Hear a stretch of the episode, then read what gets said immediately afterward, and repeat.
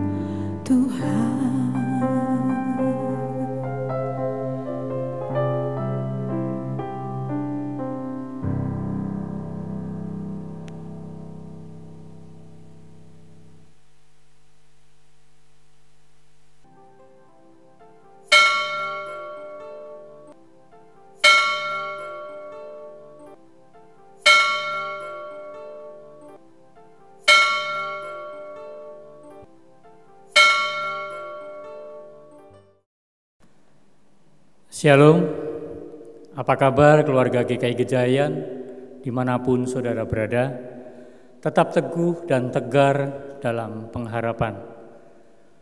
Mari kita mempersiapkan diri dan hati kita untuk mengikuti ibadah daring pada hari ini dengan mempersiapkan Alkitab, mempersiapkan persembahan, berpakaian yang rapi, duduk tenang bersama dengan keluarga hingga ibadah selesai. Jemaat terkasih, saat ini kami mohon perhatian saudara untuk menyampaikan beberapa hal sebagai berikut. Satu, ibadah Minggu 5 Juli 2020 dilaksanakan secara online atau daring pada pukul 08.00 WIB dan juga dapat didengar di Radio Petra pukul 12.00 WIB. Dua, aktivitas gereja baik itu persekutuan maupun pembinaan-pembinaan yang ada masih dilaksanakan secara online di bulan Juli ini. Ketiga, program siaran Sapa Sahabat dikhususkan untuk Sapa Sahabat anak dan diadakan secara online setiap hari Rabu pukul 19.00 WIB. Yang keempat, kelas katekisasi baru dengan pembimbing pendeta Guratan Pamentasing Pragulaisa dan Ibu Susanti Ari akan dimulai pada hari Senin 20 Juli 2020 pukul 17.00 WIB. Saudara yang akan mengikuti kelas katekisasi ini dimohon untuk mendaftarkan diri ke kantor gereja baik melalui telepon, SMS, WA, ataupun datang langsung ke kantor gereja pada setiap jam kerja. 5. Jemaat yang akan memberikan persembahan dapat memberikan persembahannya melalui beberapa cara seperti yang tertera dalam slide berikut ini.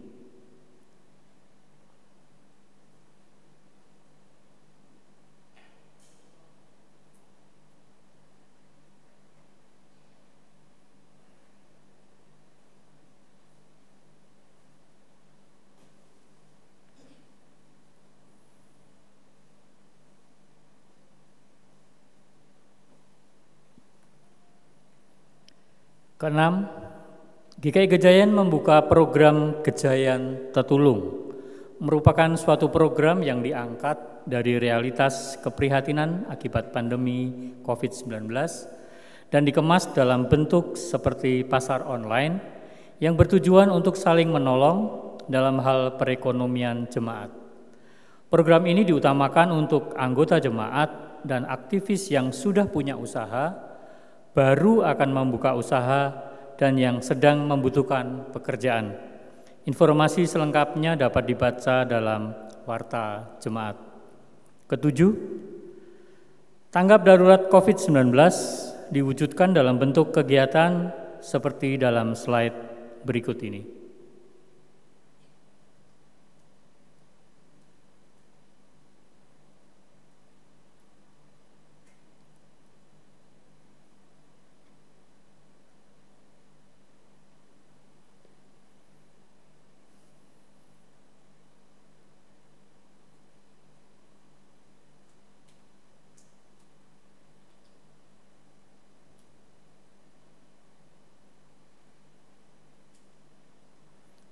Ketujuh, tanggap darurat COVID-19 diwujudkan dalam bentuk kegiatan seperti dalam slide berikut ini.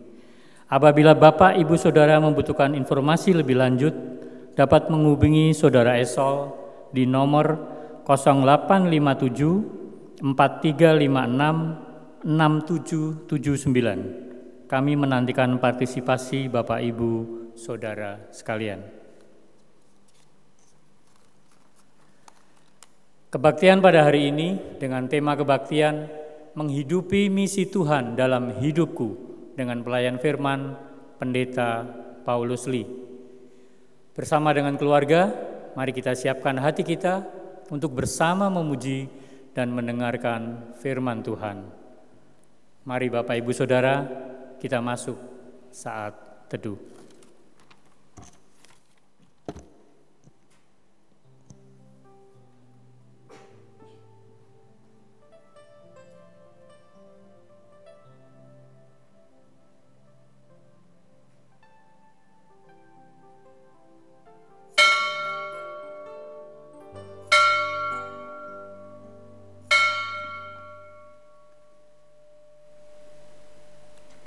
Shalom selamat hari Minggu Bapak Ibu Saudara Saudari terkasih sekalian di mana pun berada saat ini.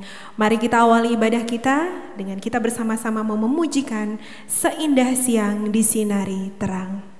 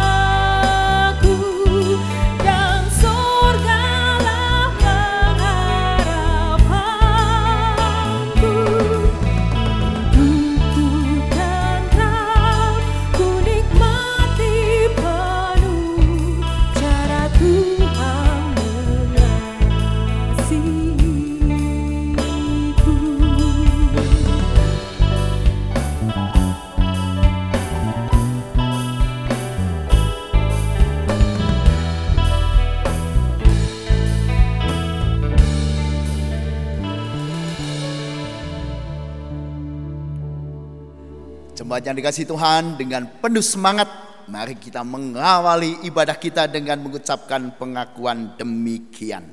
Pertolongan kita adalah di dalam nama Tuhan yang menjadikan langit dan bumi, yang kasih setianya tetap untuk selama-lamanya, yang memelihara umat manusia di tengah segala pergumulan dan goncangan kehidupan.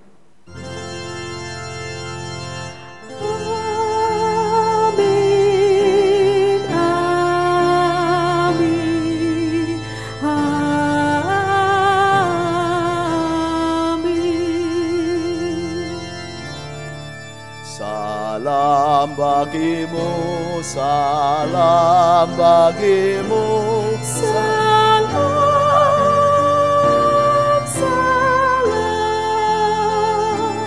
damai Kristus besertamu.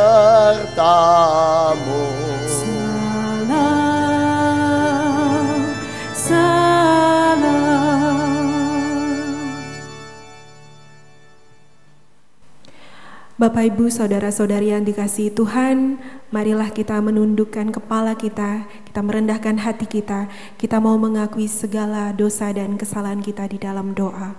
Secara khusus saya persilahkan Bapak Ibu sekalian untuk berdoa secara ter- pribadi terlebih dahulu. Mari kita berdoa.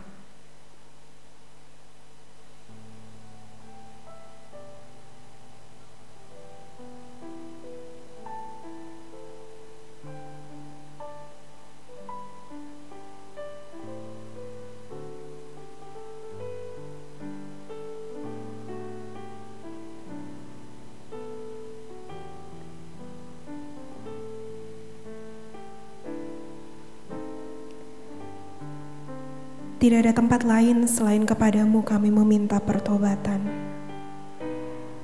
Kami sadar bahwa sering kali kami lalai untuk menjalankan perintahmu ya Tuhan.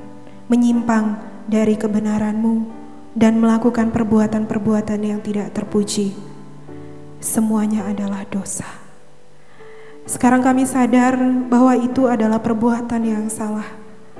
Maka dari itu ya Tuhan, kami memohon agar diampuni dosa dan kesalahan yang telah kami perbuat.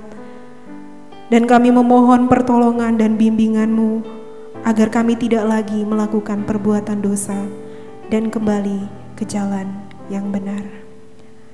Amin. Mari jemaat dengan bangkit berdiri kita akan mengakui dan menerima berita anugerah yang Tuhan hendak sampaikan kepada kita melalui Mazmur 78 ayat 38.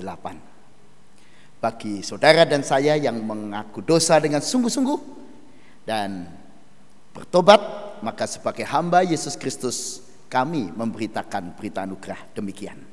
Tetapi ia bersifat penyayang yang mengampuni kesalahan mereka dan tidak memusnahkan mereka. Banyak kali ia menahan murkanya dan tidak membangkitkan segenap amarahnya. Akan tetapi Allah yang penuh belas kasihan mengampuni kesalahan mereka dan tidak memusnahkan mereka. Syukur kepada Untuk selama-lamanya Yesus Kristus tetap sama baik kemarin maupun hari ini dan sampai selama-lamanya. Tuhan Yesus baik.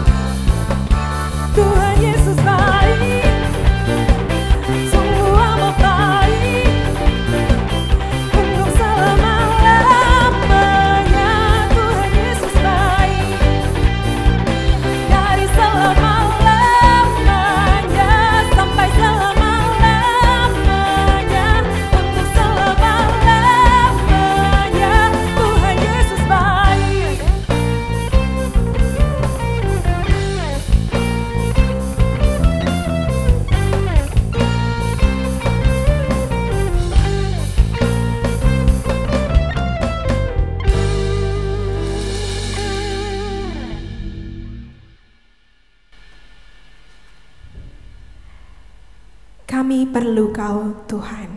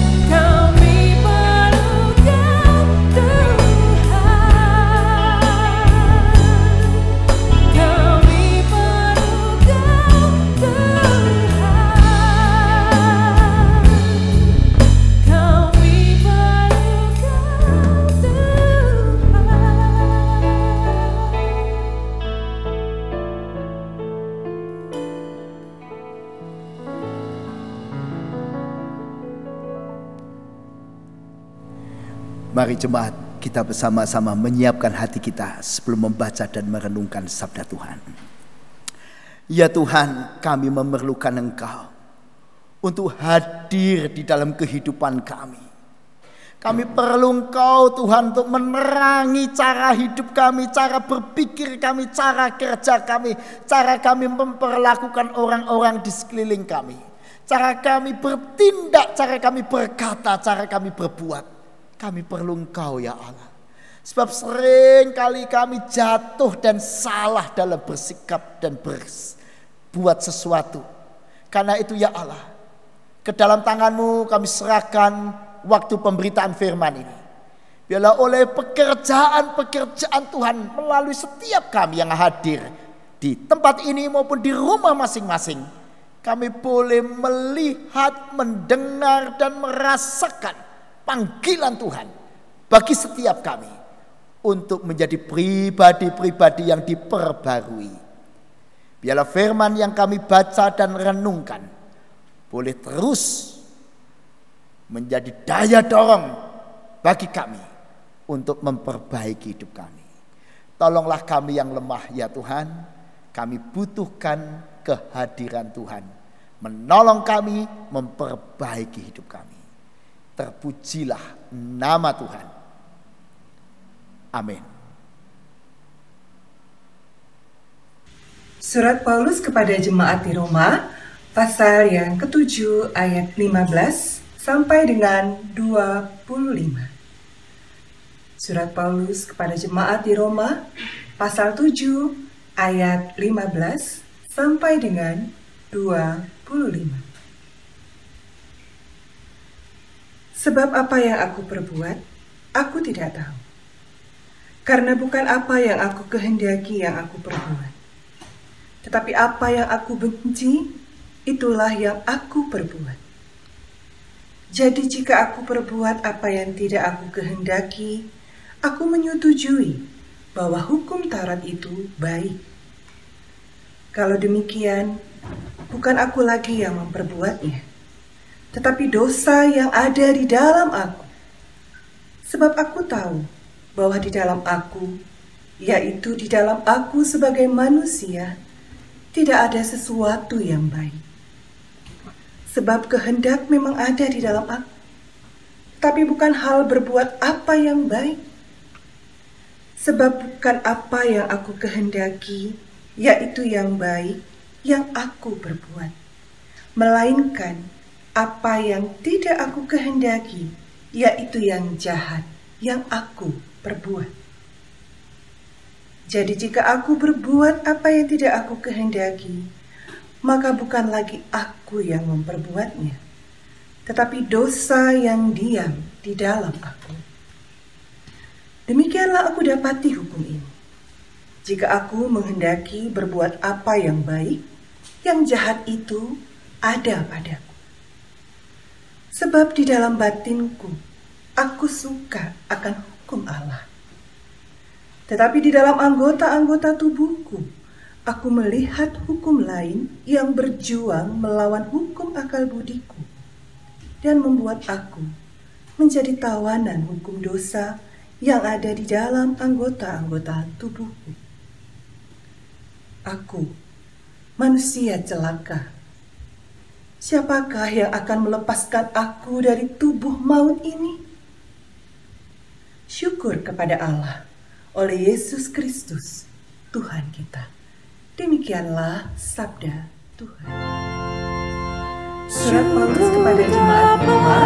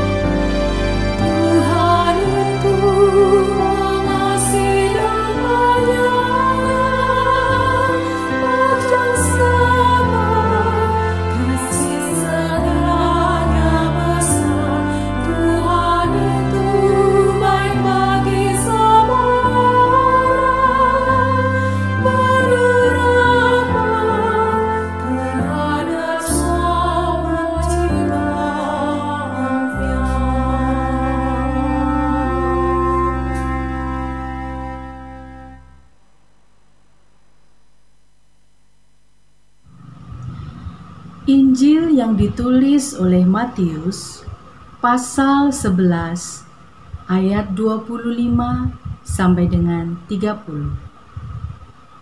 Injil yang ditulis oleh Matius pasal 11 ayat 25 sampai dengan 30. Pada waktu itu berkatalah Yesus, Aku bersyukur kepadamu Bapa, Tuhan langit dan bumi, karena semuanya itu Engkau sembunyikan bagi orang bijak dan orang pandai, tetapi Engkau nyatakan kepada orang kecil. Ya Bapa, itulah yang berkenan kepadamu. Semua telah diserahkan kepadaku oleh Bapakku, dan tidak seorang pun mengenal anak selain Bapa, dan tidak seorang pun mengenal Bapa selain anak. Dan orang yang kepadanya anak itu berkenan menyatakannya. Marilah kepadaku semua yang letih lesu dan berbeban berat. Aku akan memberi kelegaan kepadamu Pikulah kuk yang kupasang dan belajarlah padaku.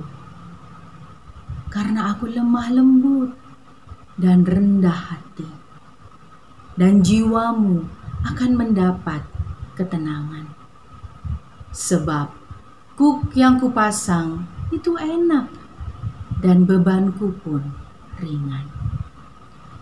Demikianlah Injil Yesus Kristus Berbahagialah setiap orang yang menerima berita Injil, menyimpan dalam hati, dan melakukannya dalam hidup setiap hari.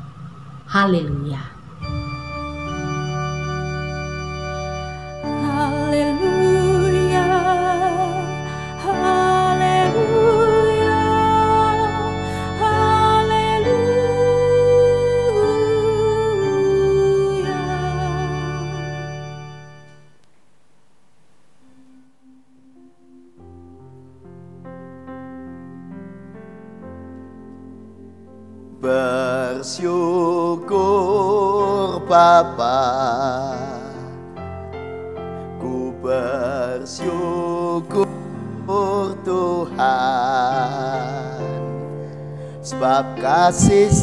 Setiamu di dalam hidupku.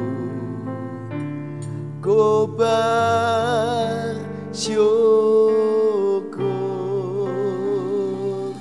Tuhan.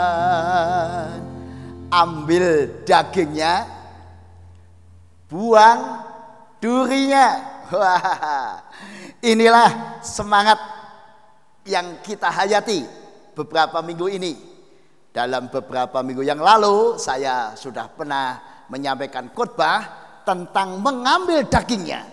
dan buang durinya. Demikianlah kalau kita mau hidup penuh dengan kebahagiaan dan penuh syukur. Hmm. Ambil dagingnya. Hidup itu seperti makan ikan ini, saudara. Kalau kita makan dagingnya, lesat. Tapi hati-hati, saudara. Jangan kita sampai kemakan durinya. Pertanyaan saya. Hari ini, apakah kita juga sudah memberikan daging kehidupan kita? Yaitu yang lesat dari sifat kita. Yang baik dari karakter kita. Kepada orang lain. Pada suami kita. Kepada istri kita. Kepada sesama kita. Apakah kita sudah memberikan daging yang lesat itu? Atau jangan-jangan kita juga memberikan durinya pada orang lain. Sehingga pasangan kita orang lain merasa sakit. Merasakan tidak nyaman ketika berdialog dengan kita. Coba saya mau tanya siapa suami istri di sini. Yang nyaman berdialog panjang dengan pasangannya.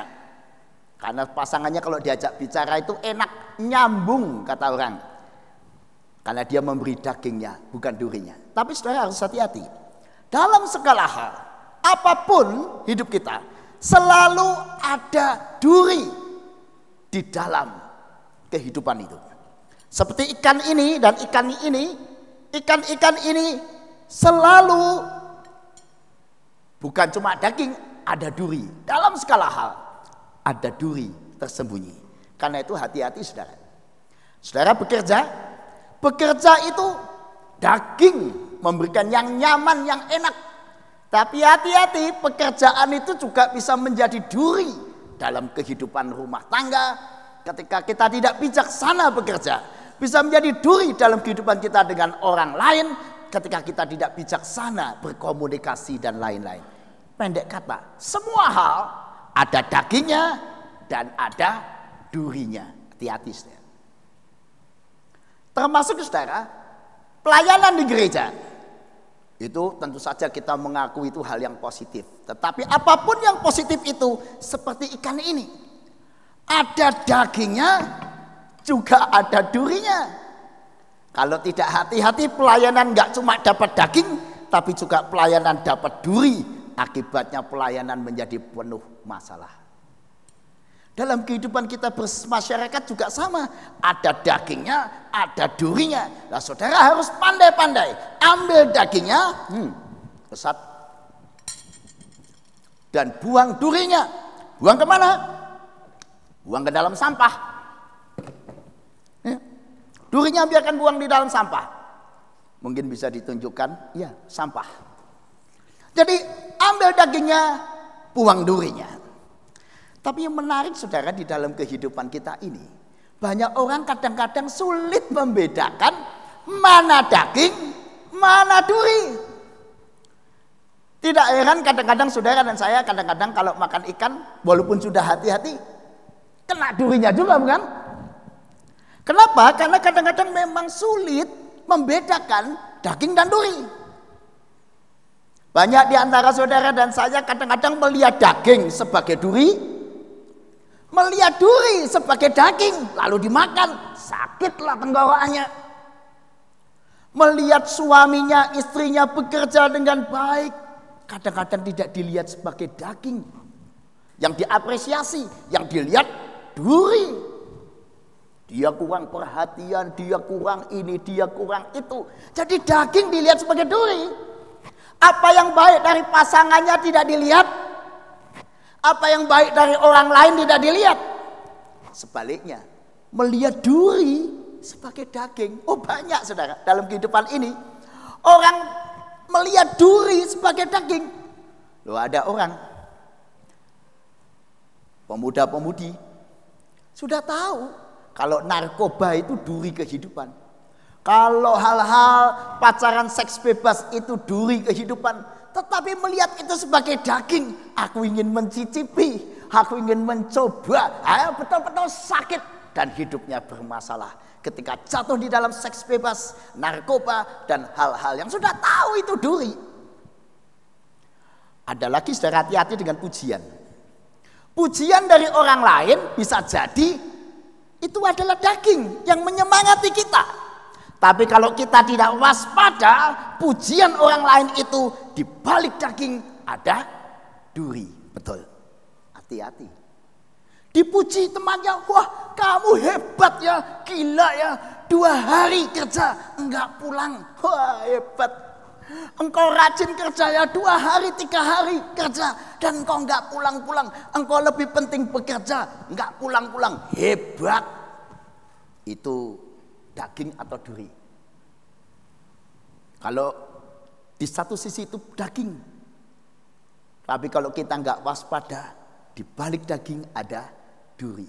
Lalu dia jadi makin, wah dua tiga hari dipuji orang, kerja nggak pulang, weh hebat ya aku ya. Oh dia ingin lebih lagi, jadi empat hari, jadi lima hari, jadi enam hari.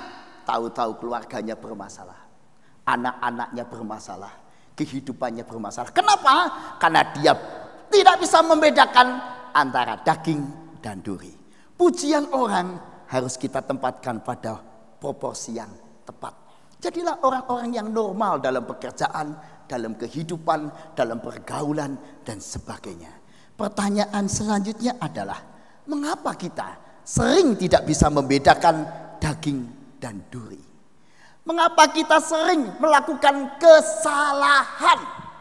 Mengapa kita sering melakukan hal-hal yang bodoh, hal-hal yang salah, bahkan hal-hal yang jahat? Kenapa kita sering melakukannya? Niatnya baik Pak saya, tapi kok hasilnya jelek? Saya niatnya mau hal yang positif, tapi kok hasilnya negatif? Saudara, Rasul Paulus sudah menyatakan itu di Roma 7 ayat 15 sampai 25. Bagaimana kita harus tahu mengapa kita menjadi orang yang niatnya baik tapi tahu-tahu jahat. Maunya jadi suami yang baik, tapi realitanya menjadi suami yang jahat. Yang bodoh dalam memperlakukan pasangannya, yang salah dalam memperlakukan istrinya. Niatnya ingin menjadi istri yang baik. Tapi realitanya bertindak bodoh, bahkan menyakiti hati suaminya dan anak-anaknya. Maunya berbuat baik pada orang lain, tapi realitanya jadi orang yang jahat. Ah, kok bisa? Ah, Paulus sudah mengatakan di Roma 7 ayat 15 sampai 25. Mari kita baca bersama-sama. Roma 7 ayat 15 sampai 25. Saya akan baca beberapa ayat ya. Mari kita perhatikan Saudara. Perhatikan Alkitab Saudara. Ayat 15. Sebab apa yang aku perbuat aku tidak tahu. Karena bukan apa yang aku kehendaki yang aku perbuat. Tetapi apa yang aku benci itulah yang aku perbuat. Di ayat 19. Sebab bukan apa yang aku kehendaki yaitu yang baik yang aku perbuat. Melainkan apa yang tidak aku kehendaki yaitu yang jahat yang aku perbuat. Ayat 21. Jika aku menghendaki berbuat apa yang baik, yang jahat itu ada padaku. Ayat 24 dengan keadaan putus asa Paulus mengatakan aku manusia celaka. Saudara yang mengatakan ini bukan orang sembarang orang yang dikenal sebagai murid guru besar Gamaliel. Seorang teolog besar di waktu itu yaitu Paulus. Atau sebelumnya Rabi Saul Saulus lalu menjadi Paulus murid yang menjadi rasul bagian katakanlah uh, setelah Yesus mati bangkit naik ke surga baru dia menjadi rasul. Dan dikasih Tuhan. Paulus yang hebat dalam khotbahnya, dalam pandangan-pandangan teologinya, orang yang sangat cerdas dan pandai akhirnya mengakui aku manusia celaka. Bukan yang baik yang kuinginkan yang kulakukan, tapi ternyata yang kulakukan adalah yang tidak baik. Bukan apa yang ku kehendaki yaitu yang baik itu. Tetapi yang jahat itu yang aku lakukan. Niatnya baik, pikirannya positif penuh dengan firman. Tapi realitanya negatif. Bukankah itu juga terjadi pada saudara dan saya? Kita ingin jadi pribadi yang baik. Saya yakin semua ingin jadi ayah yang baik.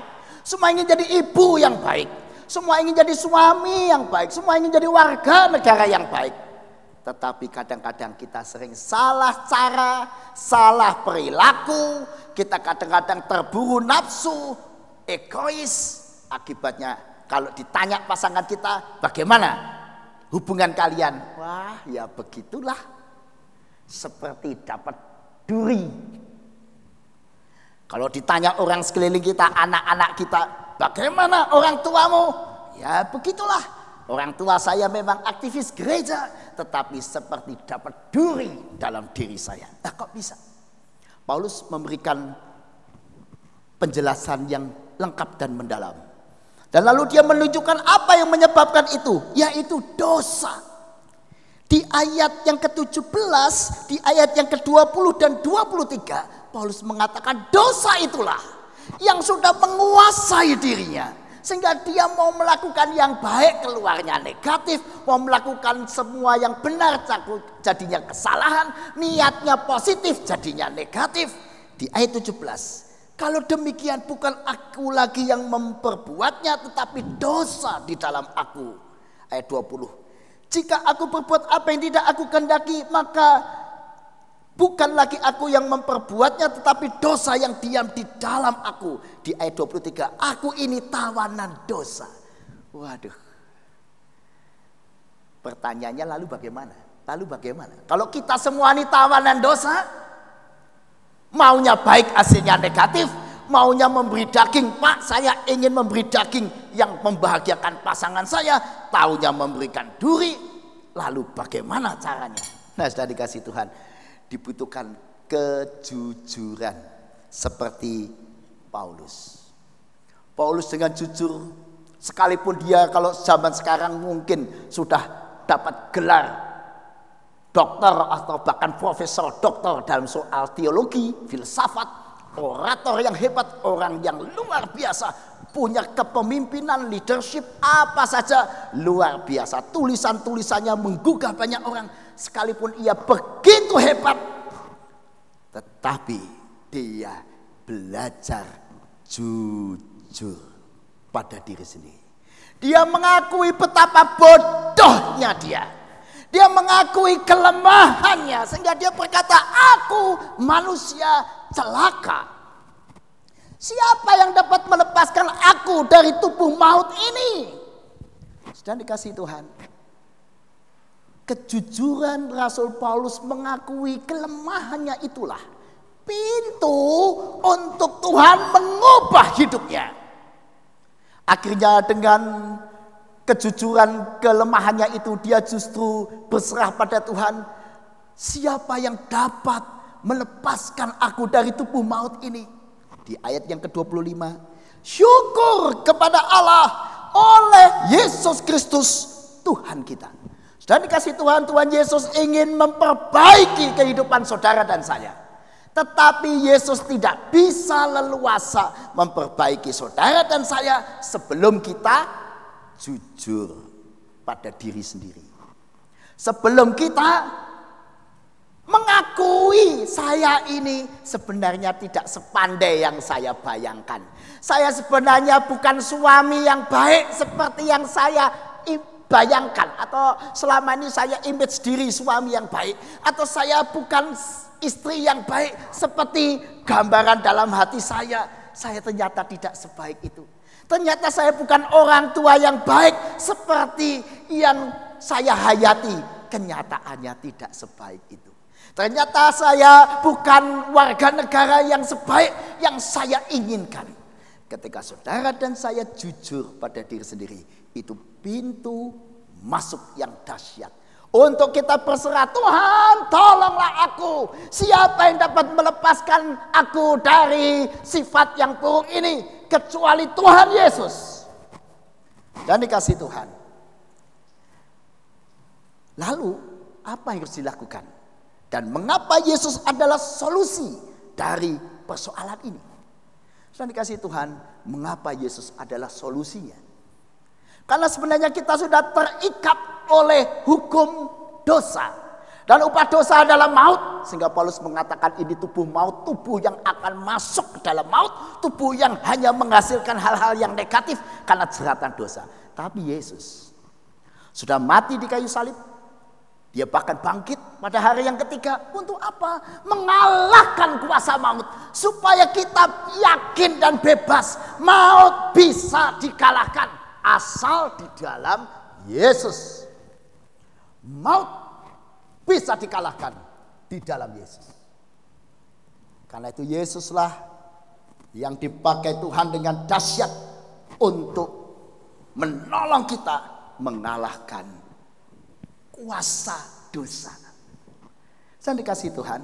Lalu Yesus di dalam Matius 11 ayat 25 sampai 30 mengajak kita untuk menerima satu kuk yang lebih ringan, yang lebih enak dan lebih relevan dengan dunia kita. Kenapa saudara? Karena selama ini kita tuh seperti dikuasai oleh kuk yang berat Saudara bicara tentang kuk, kita bisa lihat gambar ini. Gambar dua ekor hewan. Dengan kuk itu mereka disatukan. Jadi kuk adalah kayu atau alat menyatukan kedua hewan itu yang berat dan besar itu. Sehingga dengan kayu itu si sapi atau lembu bisa dikasih tugas bersama-sama melakukan sesuatu. Jadi kuk itu betul-betul berat dan di dalam Matius 11 ayat 28 sampai 30 orang-orang pada zaman Yesus pun merasakan kuk kehidupan yang berat. Pertama kuk apa? Kuk hukum Taurat. Oh saudara betapa beratnya ingin baik pada Tuhan. Ingin jadi manusia yang dipandang Tuhan baik itu berat pada waktu itu. Kenapa? Karena hukum Taurat sudah dikembangkan bukan cuma 10 hukum tapi menjadi 613 misfot atau peraturan-peraturan. 613 peraturan. Banyak aturan. 365 aturan itu larangan-larangan tidak boleh ini, tidak boleh itu, jangan ini, jangan itu. Waduh, 365 aturan sudah diatur detail Bagaimana menghafal 365 aturan bayangin. Belum 248 perintah. Atau sesuatu yang harus dilakukan. Perintahnya bukan 10 hukum. Tetapi sudah menjadi 248 perintah. Secara ada teolog yang lalu mempermainkan angka ini. 365 larangan itu sama dengan 365 hari dalam setahun, bukan? Artinya apa? Dalam setahun itu isinya cuma mikirin larangan. Ada juga lalu memakai kata 248 eh, perintah itu seperti jumlah tulang dalam tubuh manusia katanya. Ya. Saya kira ahli-ahli tahu jumlah yang tepat. Eh, tapi ini adalah simbolisasi menggambarkan bahwa seluruh tubuh kita itu dikuasai oleh perintah-perintah agama. Sehingga betul-betul kehidupan beragama itu berat. Seperti kok yang menekan. Mau jadi orang baik itu berat. Lalu kok juga bisa dipahami sebagai kekang, tali kekang. Kita itu dipekang seperti kuda yang supaya tidak liar dikekang dan kekang hukum Taurat itu keras, menyakitkan, tapi kok juga bisa dipahami sebagai beban yang berat atau penderitaan, simbol dari penderitaan. Nah Yesus lalu di ayat 28 Matius 11 mengatakan marilah kepadaku semua yang letih lesu dan berbeban berat. Aku akan memberikan kelegaan kepadamu. Saudara ketika hidup saudara mulai tercocok-cocok dengan duri, Ketika hidup saudara mulai terganggu dengan beban-beban berat dan Anda merasa aku nggak bisa Tuhan. Tolong saya Tuhan, ini betul-betul manusia celaka aku ini.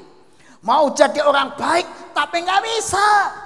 Gagal terus untuk menjadi orang baik. Lalu bagaimana? Yesus menawarkan, marilah kepadaku yang letih lesu dan berbeban berat. Aku akan memberikan kelegaan kepadamu.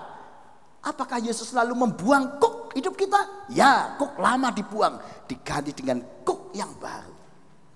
Kuk yang lebih ringan dan bebanku pun enak. Wow. Apa kuk itu? yaitu kuk kasih. Sedang dikasih Tuhan, kita diajak menerima kuk yang baru. Kuk hukum kasih. Yang akan membuat kita menjadi seperti Yesus. Kalau kedua lembu yang diikat oleh kuk yang berat diminta mengerjakan sesuatu, hasilnya apa? Hasilnya adalah tanah pertanian menjadi lebih subur. Karena dengan kedua lembu, dengan kuk itu menarik alat penggembur tanah, maka hasilnya tanah pertanian yang subur. Tapi pertanyaan saya, kalau kita menerima kuk hukum kasih yang Yesus tawarkan, hasilnya apa? Mari kita lihat di Matius 11 ayat yang ke-29. Di sana kita ditunjukkan sebuah hasil kalau kita mau memikul kuk yang Yesus tawarkan. Kuk yang enak dan ringan itu Ayat 29, pikulah kuk yang kupasang dan belajarlah kepadaku. Karena aku lemah lembut dan rendah hati dan jiwamu akan mendapat ketenangan. Jadi saudara ini adalah sebuah kuk yang berdampak kita akan jadi orang yang lemah lembut. Seperti siapa? Seperti aku dalam ayat ini yaitu Yesus menjadi orang yang lemah lembut, rendah hati, jiwanya tenang. Bukankah hari ini kita sekali kemurungsung? Kita sekali dipeliputi perasaan tidak tenang. Kenapa? Nah ini pandemi pak, saya terdampak. Ekonomi terdampak masalah ini, masalah itu. Kerja nggak bisa lancar, kesehatan juga mungkin bermasalah. Hidup saya dengan keluarga suami dan istri sejak banyak di rumah. Saya bingung pak mau apa di rumah. Aneh ya. Bukankah kita semua juga ngalami yang sama? Saya hampir yakin saya mendengar sudah banyak keluh kesah orang tua-orang tua. Banyak di rumah bukan berarti tidak ada masalah. Duri-duri kebersamaan orang tua dan anak di rumah juga makin banyak. Di rumah terus bukan cuma bawa daging. Hmm. Tapi juga membawa duri. Kenapa? Nah, namanya komunikasi. Maunya baik, diterima salah. Maunya menegur halus, diterima kasar. Maunya bermain, diterima paksaan. Wah dan seterusnya. Suami istri juga sama. Lalu lama-lama satu sama lain di antara rumah merasa kamu kasar, kamu kasar, kamu egois, kamu gitu, kamu tidak enak, kamu tidak mengerti saya. Itu menjadi kuk kehidupan kita. Tapi Yesus menawarkan kita menjadi pribadi lemah lembut, rendah hati, dan jiwa yang tenang. Ku kasih membuat hidup ringan, lega, dan kita tidak menjadi letih lesu. Pak, bagaimana bisa? Ku kasih itu mengubah kehidupan kita begitu dahsyat. Bagaimana bisa? Bagaimana bisa? Mari saudara, kita akan melihat gambar ini. Nanti Presto, ya betul, presto ya. Duri-duri ini harusnya dibuang ke dalam ini sampah. Di sebelah saya ada sampah ini. Tetapi dengan panci presto itu kita bisa mengubah duri menjadi gizi. Nah, saya membawa ikan yang durinya lunak. Mungkin, nah ini bisa dilihat ya ikan yang durinya lunak. Wow. Saya tidak perlu bingung-bingung membuang duri. Ha, hmm, hmm, enak. Kenapa? Karena durinya sudah di presto, betul. Katanya di presto satu jam, durinya bisa dimakan. Hmm. Nggak usah takut. Hmm. Durinya gurih, enak. Hmm. Kenapa? Karena ikan ini sudah di presto. Ditambah dengan air segar kasih Allah yang kita pelajari dan hidup. Hmm. Duri bisa jadi gizi.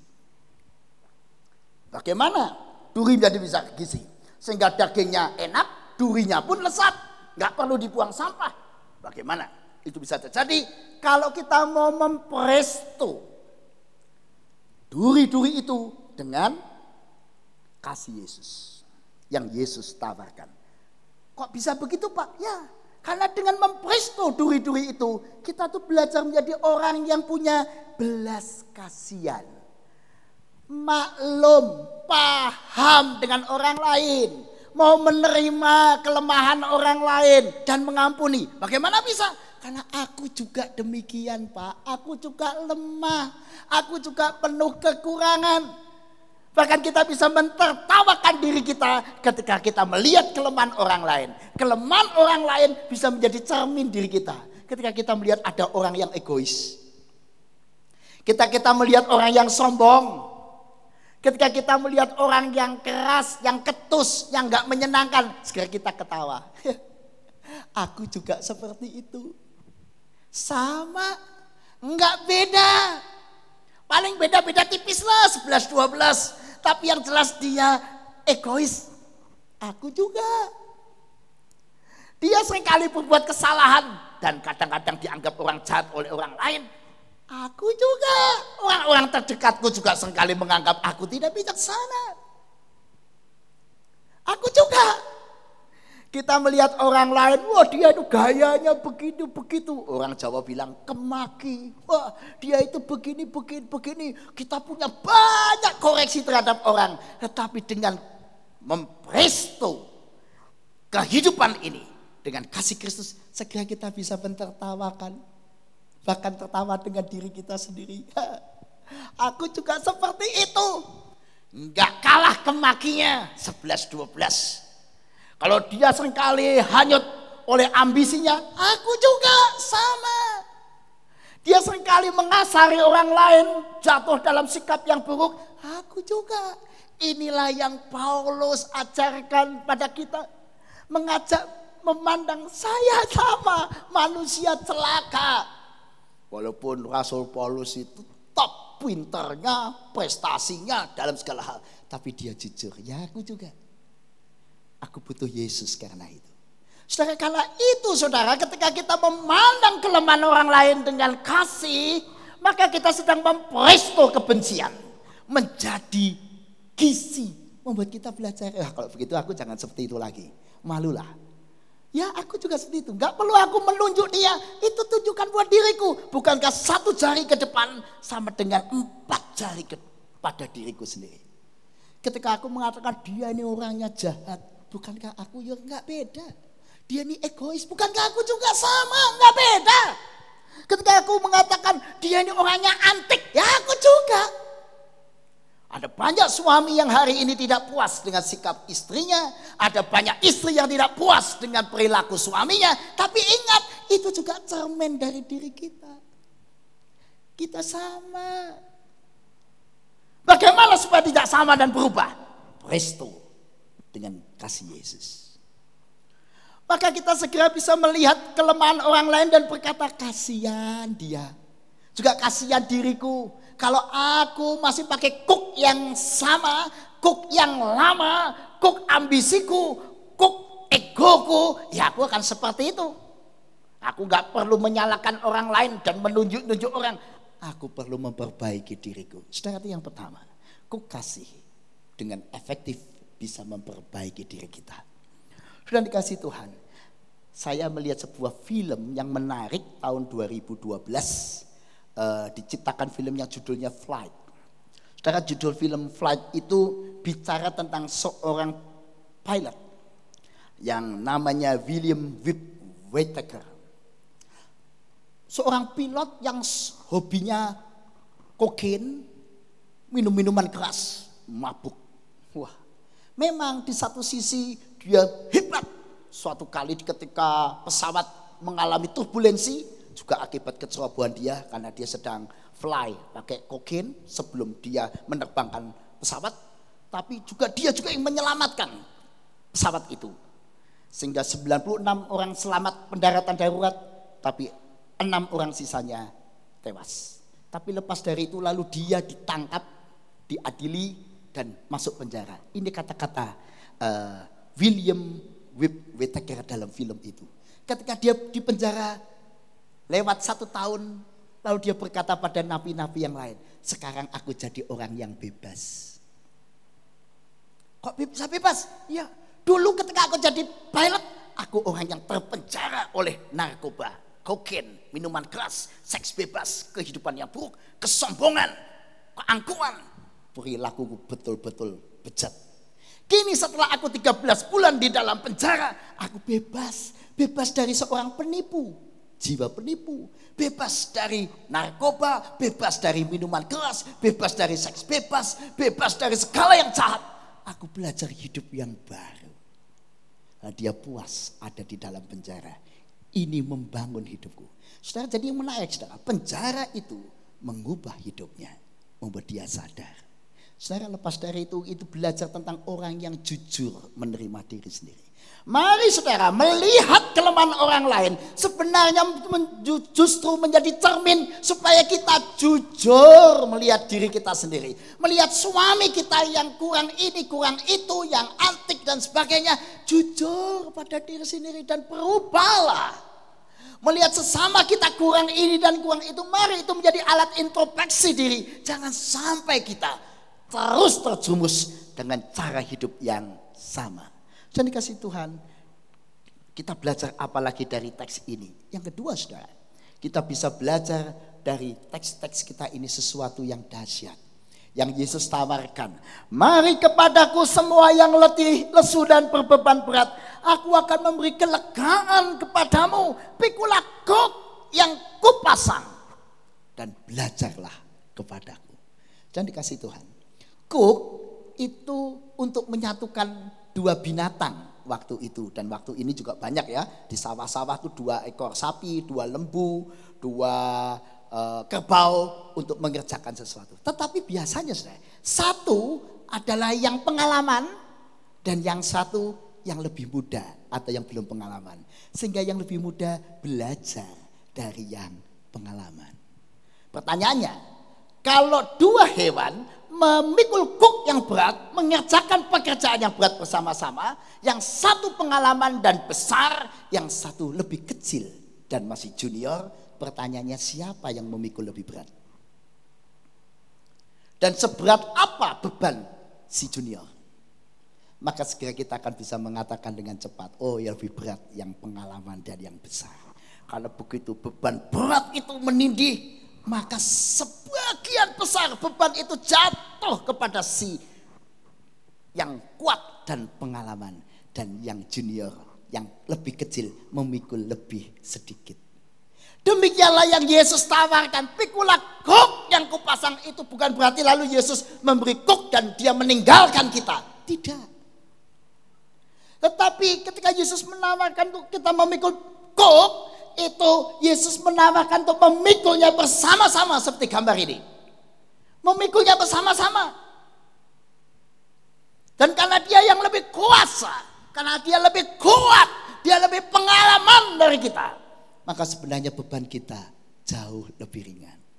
Seorang reformator mengatakan, ketika kita di dalam sebuah persoalan, lalu kita melipat tangan, saudara, apa yang terjadi? 50% persoalan kita bergeser. Dipikul oleh Kristus dan kita menanggung sisanya. Dan seorang teolog yang lain mengatakan, ketika kita nggak cuma berdoa, tetapi kita juga berusaha bersama Yesus, maka 90% persoalan kita ditanggung Yesus. Kita tinggal 10%. Kenapa? Usaha kita dan doa kita membuat kita makin ringan bersama Yesus. Sudah dikasih Tuhan. Cook itu bahasa aslinya itu menarik saudara kalau kita belajar dari Cook ya. Cook itu uh, sering kali dipahami sebagai sugos ya dalam bahasa uh, Yunani sugos. Cook itu bisa beban berat dan simbol dari beban, bisa hukum Taurat, bisa tali kekang. Tetapi Sugos hasilnya apa? Menjadi orang yang lemah lembut. Tadi di dalam ayat 29, karena aku lemah lembut dan rendah hati. Lemah lembut, protes. Protes, itu dalam bahasa Yunani dari kata dasar praos. Artinya apa? Jinak. Ya, jinak. Jadi kok sukos menghasilkan praos jinak. Beban berat itu bisa berubah membuat kita menjadi orang yang jinak. Ada yang mau jadi suami yang jinak? jinak pada istrinya atau hari ini kita suami yang galak pada suaminya. Mau mengubah diri kita dari istri yang galak, temperamental menjadi istri yang jinak pada suami. Presto dengan hukum kasih. Saudara, Yesus menolong kita, memperbaiki diri kita. Yesus memampukan kita terus memikul kuk supaya kita bisa memenuhi hukum-hukum Allah. Supaya kita dimampukan menjadi orang yang baik dalam kehidupan kita. Nah, sedang dikasih Tuhan. Yesus juga menemani kita memikul persoalan hidup kita. Apa yang menjadi persoalan hidup saudara? Apa yang menjadi beban saudara? Anda merasa Tuhan berat bebanku ini. Anda tidak pernah sendirian memikul beban itu. Ada Yesus. Dia pengalaman. Dia kuasa menolong Anda. Karena itu tidak bisa tidak betapa ringan kita di tengah kehidupan yang penuh dengan beban ini. Selama Yesus bersama kita maju terus dan jangan pernah menyerah. Dan kasih Tuhan yang ketiga kita belajar sesuatu yang menarik.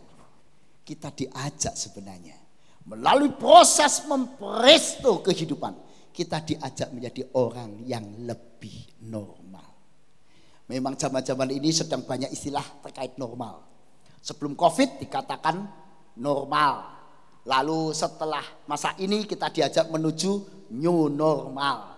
Lalu orang mau bertanya-tanya, atau lalu orang bertanya-tanya, new normal itu maksudnya apa? Menjadi lebih normal, menjadi kurang normal, atau menjadi abnormal? Nah, kira-kira saudara dan saya menjadi orang yang seperti apa sekarang? Menjadi suami istri yang lebih normal, karena banyak di rumah, banyak memperhatikan keluarga, banyak bermain dengan anak-anak, atau menjadi suami istri yang masih abnormal, kurang normal.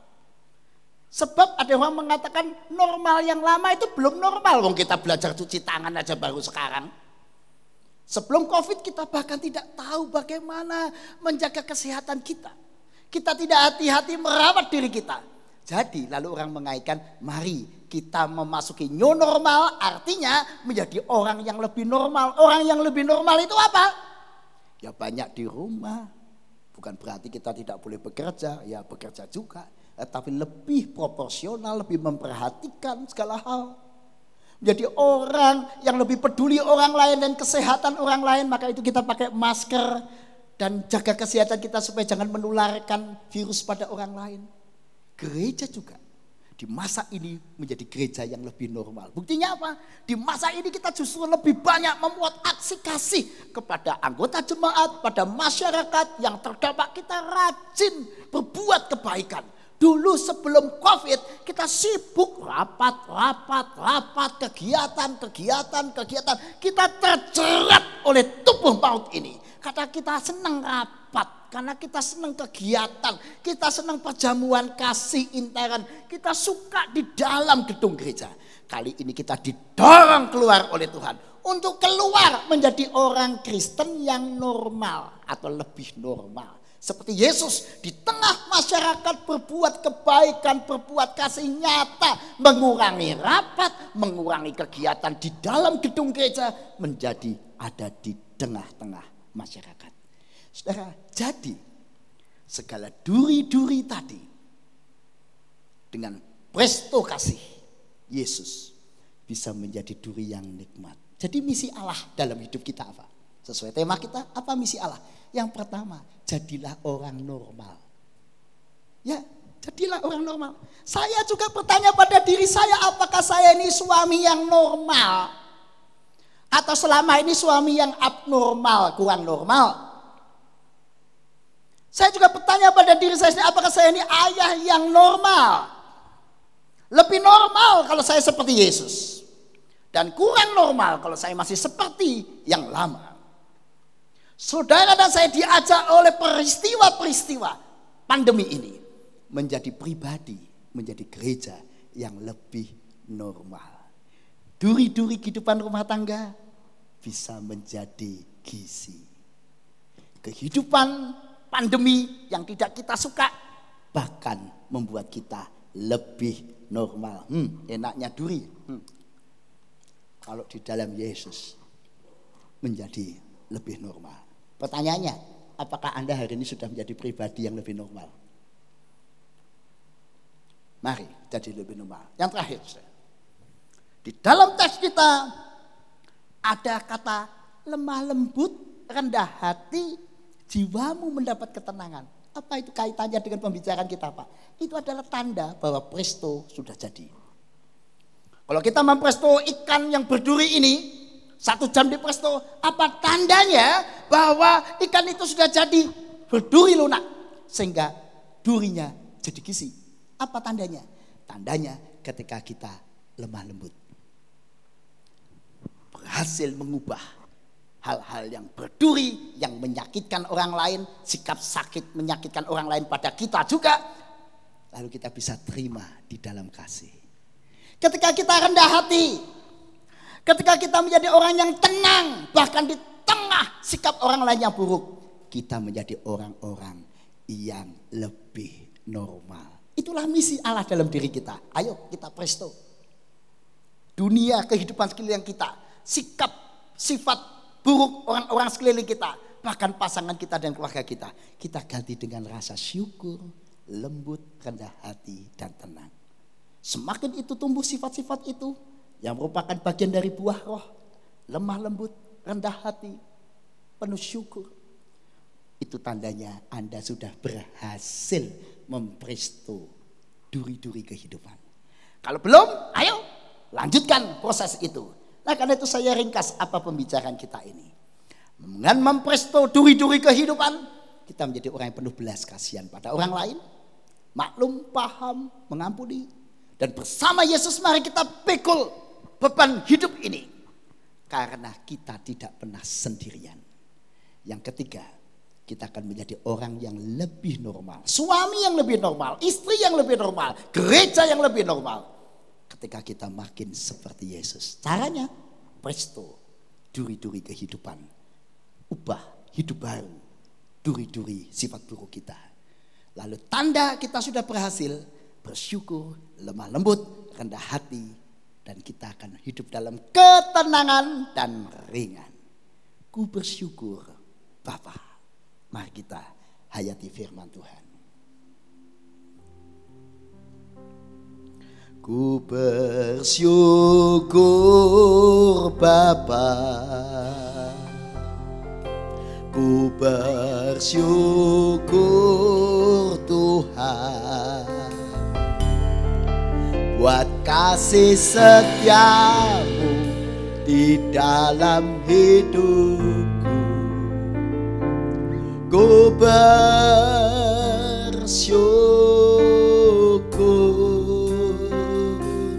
Tuhan. Saudara, banyak kelemahan kita.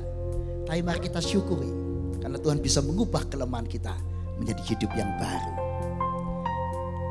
Banyak yang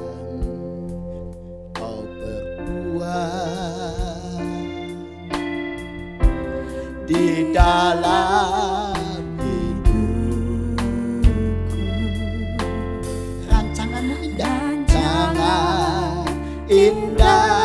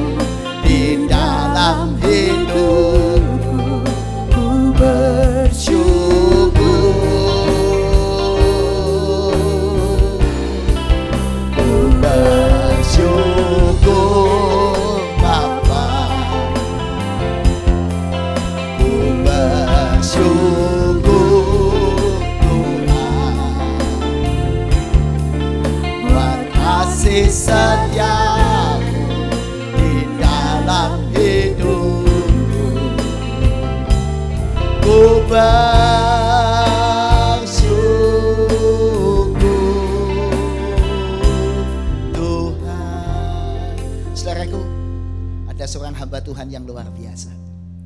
Dia adalah Clement Hufbauer dari Wina atau sering kali dikatakan Rasul Wina. Dia hidup di abad ke-18.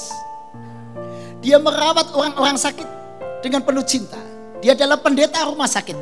Dia merawat anak-anak yatim, terutama korban perang. Waktu itu perang terjadi pada era perang Napoleon. Dan dia merawat anak-anak yatim piatu dan dia begitu rindu menghidupi anak-anak yatim piatu. Dia mencari dana. Dia pergi ke rumah makan, rumah makan, ada orang-orang makan dan dia meminta dana untuk anak-anak yatim piatu. Apa yang terjadi sudah? Di salah satu meja di mana orang sedang bermain judi, uang banyak di atas meja. Dia Clemens Hofbauer yang penuh rendah hati itu berkata, tolonglah anak-anak yatim piatu. Apa yang dia dapatkan sudah? Dia diludahi. Kena wajahnya. Apakah dia marah? Tidak. Kenapa dia tidak marah? Karena dia sudah mempresto kemarahan, emosi menjadi kerendahan hati, kelemah lembutan. Apa yang dia katakan pada orang yang meludahi dia? Dia berkata, jika itu untuk saya, terima kasih. Tapi apa apakah ada sesuatu untuk anak-anak yatim? Kalau itu untuk saya, ludah itu tak apa-apa. Oke. Tetapi apakah ada sesuatu untuk anak-anak yatim? Orang-orang yang ada di situ termasuk yang meludahi dia begitu malu dengan kerendahan hati. Mereka spontan mengeluarkan uang dan menyumbang. Clement Hofbauer, hamba yang rendah hati. Karena dia berhasil mengubah hidupnya penuh syukur sekalipun ludah menempel di wajahnya. Yang penting nama Tuhan dimuliakan. Yang penting anak-anak yatim bisa tetap makan. Apakah engkau menjadi pribadi yang demikian? Ku bersyukur Bapa Sebab kasih setiamu di dalam hidupku. Ku bersyukur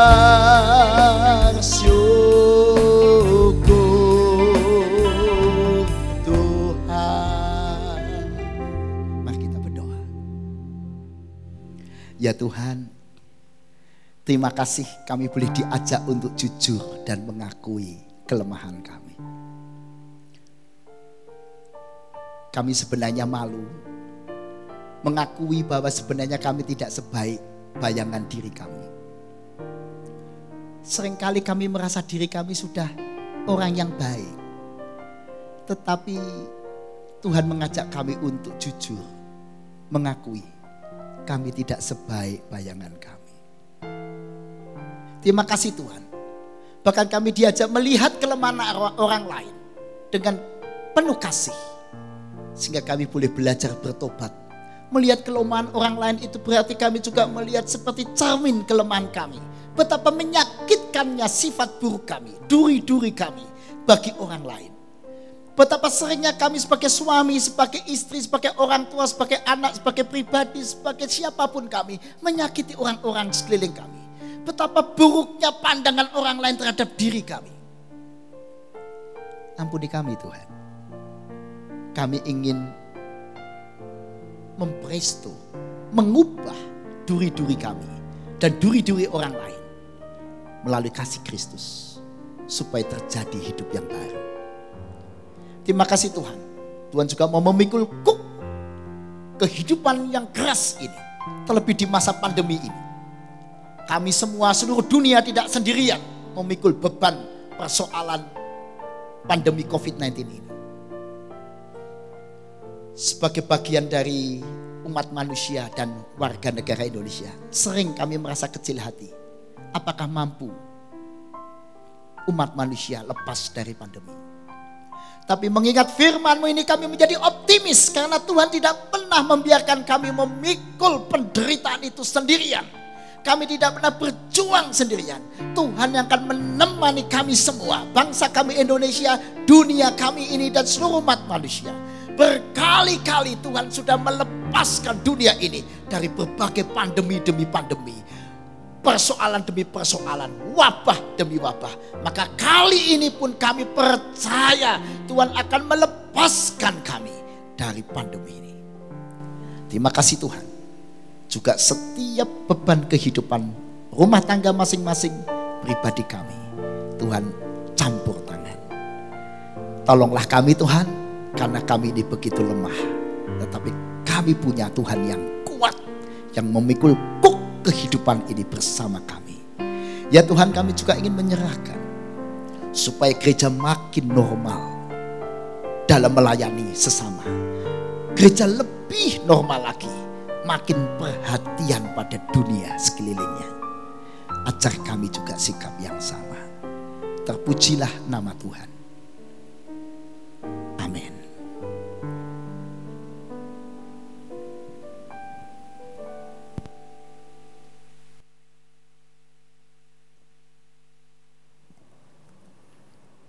Jemaat yang terkasih, bersama jemaat di segala abad, kita akan memperbarui iman percaya kita melalui pengakuan iman rasuli yang demikian. Aku percaya kepada Allah, Bapa yang Maha Kuasa, Khalik langit dan bumi, dan kepada Yesus Kristus, anaknya yang tunggal, Tuhan kita, yang dikandung dari roh kudus, lahir dari anak darah Maria, yang menderita sengsara, di bawah pemerintahan Pontius Pilatus, disalibkan, mati dan dikuburkan, turun ke dalam kerajaan maut. Pada hari yang ketiga, bangkit pula dari antara orang mati, naik ke surga, duduk di sebelah kanan Allah, Bapa yang Maha Kuasa, dan dari sana yang akan datang untuk menghakimi orang yang hidup dan yang mati. Aku percaya kepada Roh Kudus, gereja yang kudus dan am, persekutuan orang kudus, pengampunan dosa, kebangkitan orang mati, dan hidup yang kekal. Amin. Jemaat yang dikasih Tuhan, sekalipun tidak berkumpul di gedung gereja ini, kita bisa terus terlibat dalam pekerjaan Tuhan melalui gerejanya dengan persembahan yang kita kumpulkan. Hal nyata yang bisa kita lihat saat ini adalah gebetan COVID-19.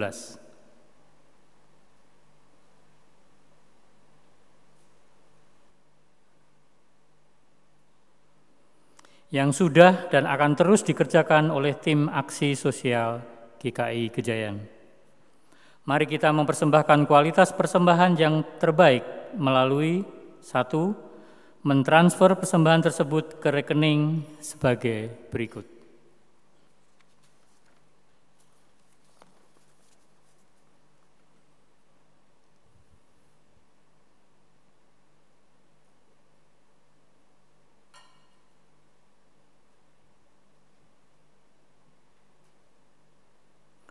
Memasukkan persembahan tersebut ke brankas atau kotak persembahan yang berada di lobi belakang GKI Kejayan.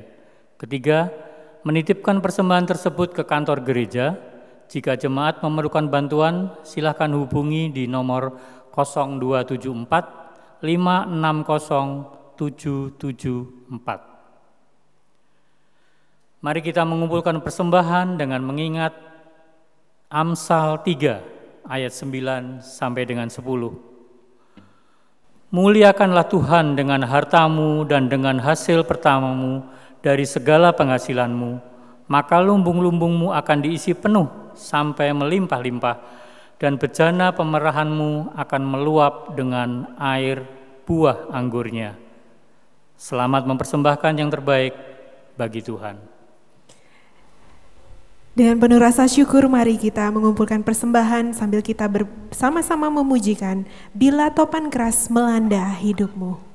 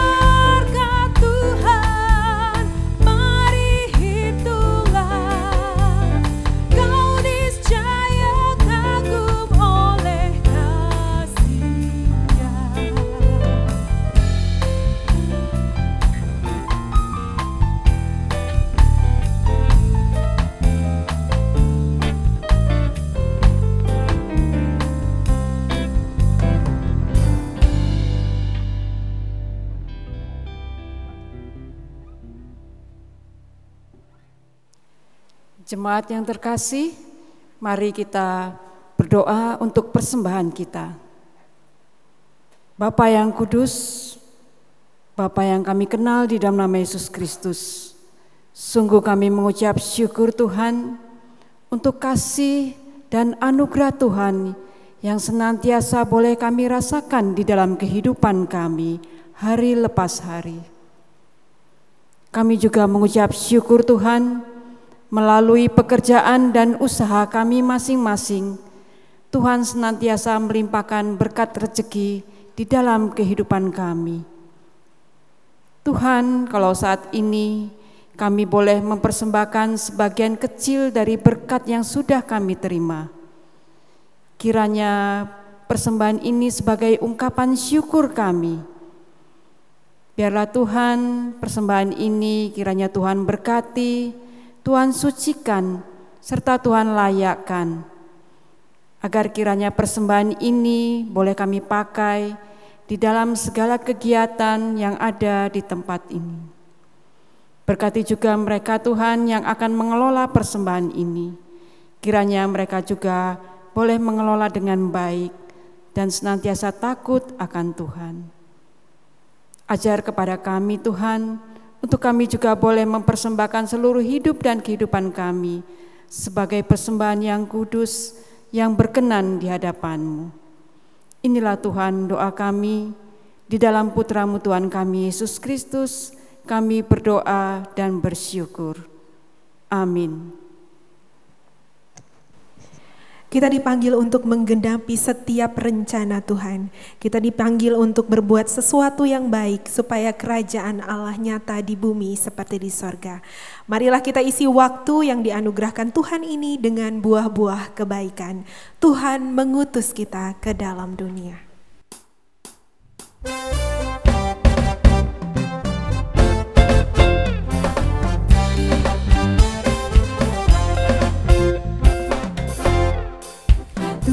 Mengutus kita ke dalam dunia bawa pelita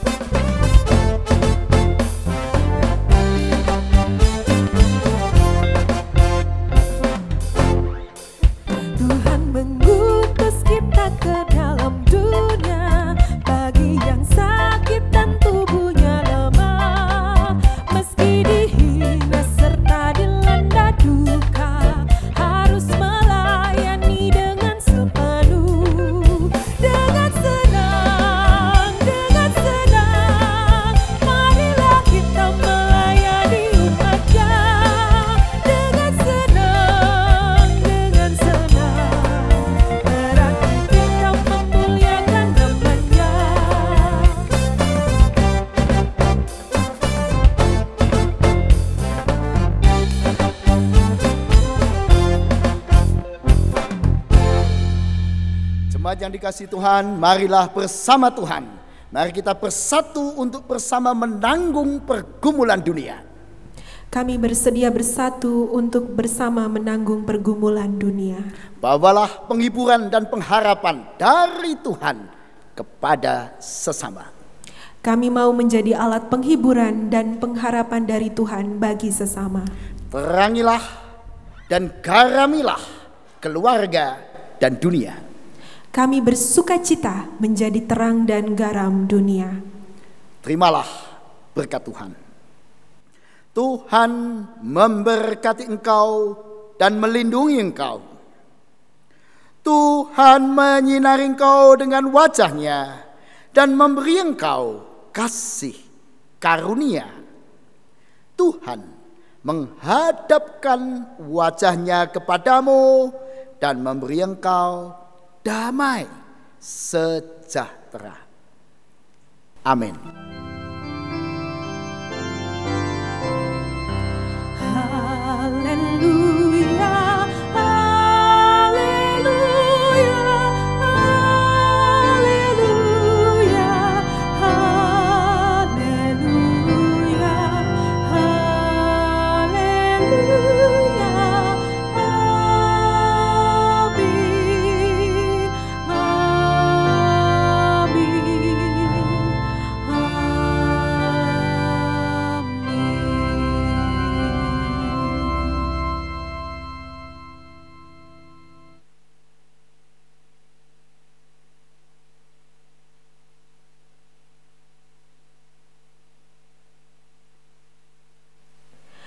Keindahan hidup tidak ditentukan oleh seberapa bahagianya dirimu, tetapi oleh seberapa bahagianya orang lain karena kehadiranmu.